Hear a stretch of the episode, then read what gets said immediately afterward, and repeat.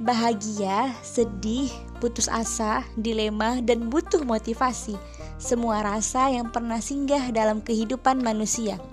Maka dari itu, podcast teman penikmat hidup akan menemani hidupmu untuk menjalani hari jauh lebih optimis dan tinggalkan segala hal yang membuat kita tidak berkembang.